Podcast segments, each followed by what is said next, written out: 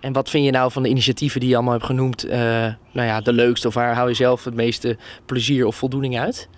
Dat zijn die hele kleine initiatieven, waar, waar, ik kan zien dat mensen gewoon uh, ook uh, die initiatieven overnemen. Zoals bijvoorbeeld zo'n heuvelrugtuin, in hun achtertuin een heuvelrugtuin maken. Of in de voortuin de regenpijpen afkoppelen. En daar allerlei ontzettend leuke dingen van proberen te maken.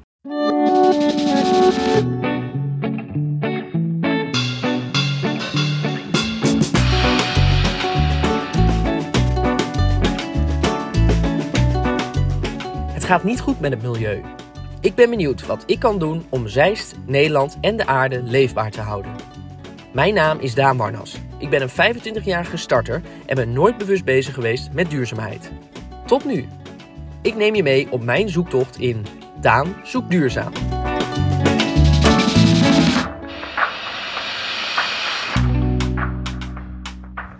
In de pedagogenbuurt bij Vollehoven Hoog en Vollehoven Laag vind je veel kleine, duurzame buurtinitiatieven. Bert Bongaerts is een van de drijvende krachten achter deze activiteiten. En bij hem ga ik op bezoek.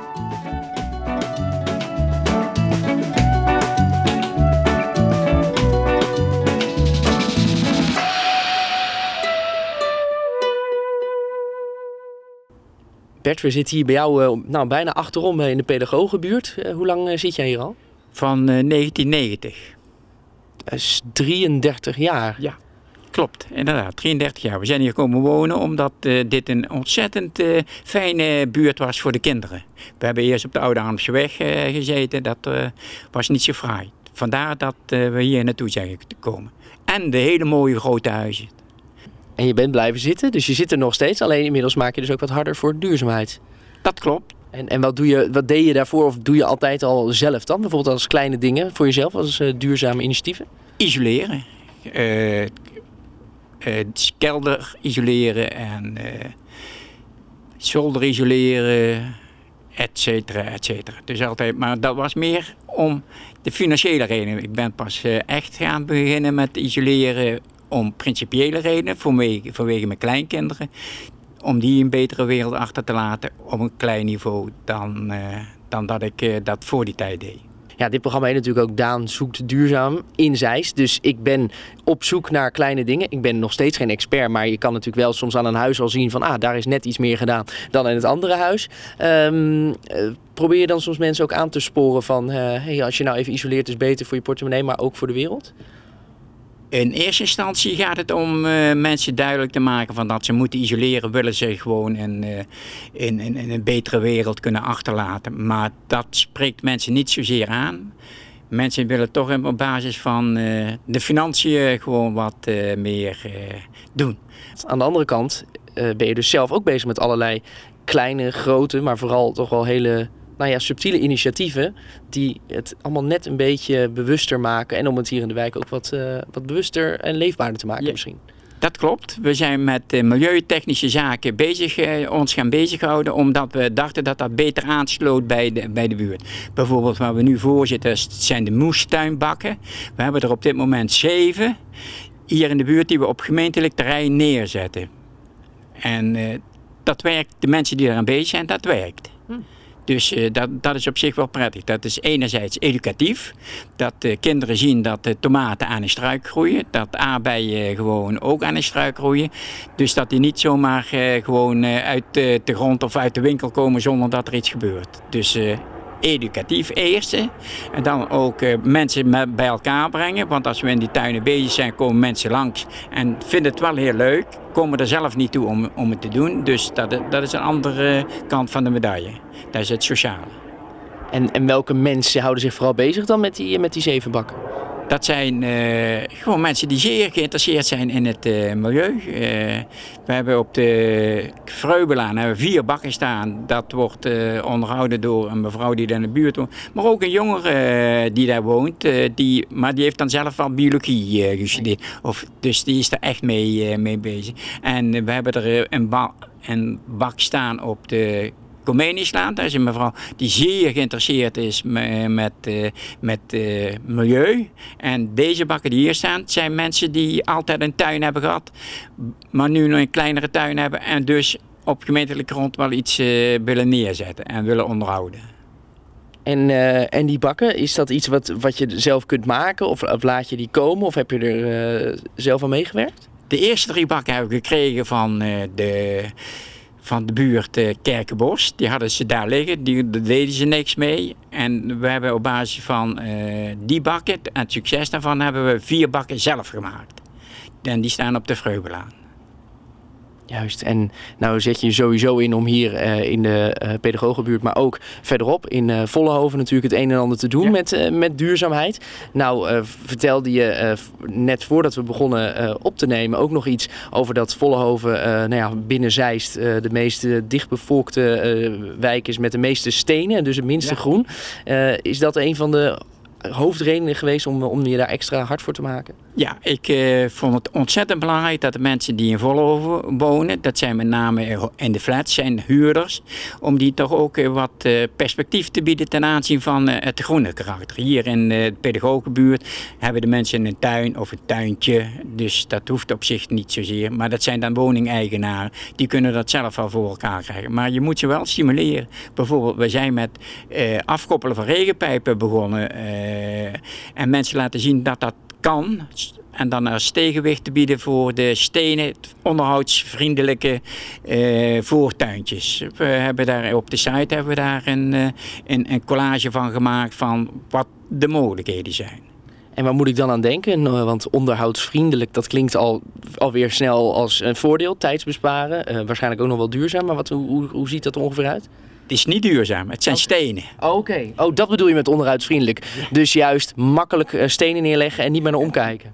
Precies. Aha. Dat, is zijn, uh, dat zijn de onderhoudsvriendelijke voortuinen. Dus dan hebben we dat afkoppelen van die regenpijpen. We willen dus niet dat het regenwater gewoon zomaar in het rioleren, riolering verdwijnt, maar in de aarde terechtkomt en dat minder regenwater verloren gaat. En doe je dat dan op een uh, regenton, zeg maar, sluit je het daarop aan? We hebben een actie gehad hier, uh, regentonnenactie van de buurtvereniging. Uh, daar hebben tien mensen aan meegedaan. Maar wij zeggen nu gewoon, gewoon afkoppelen en een pijpje naar de tuin uh, laten lopen. Ik heb zelf een uh, betonbak in de tuin getransporteerd. En daar zitten nu op, op dit moment twee kikkers in. Oh. Dus dat is heel leuk. Juist. Dus dat zijn leuke kleine dingen en daar wordt het ook beter van. Hele kleine dingen. En ik hoop uh, dat meer mensen dat uh, gewoon ook gaan doen. Die meneer die toen net hier stond, die heeft, omdat hij een verstopte regenpijp had, heeft hij ze afgekoppeld. Ik hoop dat hij dat gedaan heeft, omdat hij gezien heeft op onze site dat dat een hele eenvoudige, goedkope oplossing was. En zeer duurzaam. Oké, nou dan wil ik daar toch nog iets meer over weten. Uh, ook in het kader van uh, een nieuw huis dat ik heb gekocht met een regenpijp waar ik ook nog niet helemaal uh, weg van ben, zeg maar. Dus dan laat je het uitkomen in je, in je aarde, zeg maar. En, ja. dan, en, en, dan eindigt, dan loopt het dus niet het riool. En dat is het eigenlijk. Dat, dat, dat, dat is de bedoeling. Maar er zijn diverse mogelijkheden om dat te doen. Je kunt het eenvoudig doen, heel goedkoop. Maar je kunt het ook heel, uh, heel, heel, heel netjes doen. En dan wordt het wat duurder. Maar ik heb het dus zelf pijp doorgezaagd, een hoek erin gezet, een regenton uh, of een regenbak neergezet en daarin laten lopen. En als je overloopt, loopt hij de tuin in. Juist. Dus, uh, en daar zitten uh, zit ontzettend uh, leuke dingen aan vast. Bijvoorbeeld extra andere planten die je anders niet krijgt. En kikkers. En salamanders. Oh. Ja, dat is, dat is heel leuk. Echt een ander soort tuin krijg je ervan. Andere bio biodiversiteit eigenlijk, ja. ja. Nou ja, hier in de hele wijk Vollehoven, hoog en laag, uh, heb je dus heel veel steen. Maar wat is nou iets simpels om net wat meer van dat steen nou ja, af te komen en om dus net iets meer terug te geven aan de aarde? Nou, dus uh, om contact op te nemen met de gemeente. Dat op de eerste plaats wat ze met de, de, de, de gemeentelijke stukjes doen die tussen de huizen liggen. Toen hebben we contact heb opgenomen met uh, de milieueducatie in Utrecht. En die waren met uh, heuvelrugtuinen uh, bezig. En heuvelrugtuinen, dat zijn tuinen die van 60% van groen zijn voorzien. inheemse planten zitten daar en ze zijn gifvrij te onderhouden. Nou, toen hebben we van de gemeente hebben we een stuk gekregen op op de hoek van de Jan, Jan Lichterplein de Montessori-laan. Daar heeft uh, een van de buurtbewoners een duur insectenhotel neergezet. En daar zijn we toen met een heuvelrugtuin begonnen. Daar hebben we van de gemeente hebben we veel subsidie voor gekregen om daar van alles neer te zetten. En dat, dat onderhouden we. Dus uh, die heuvelrugtuinen, dat is een heel eenvoudig initiatief. Waar dus uh, enkele mensen elk jaar wel twee of drie keer onderhoud aan hebben en dat ook goed doen.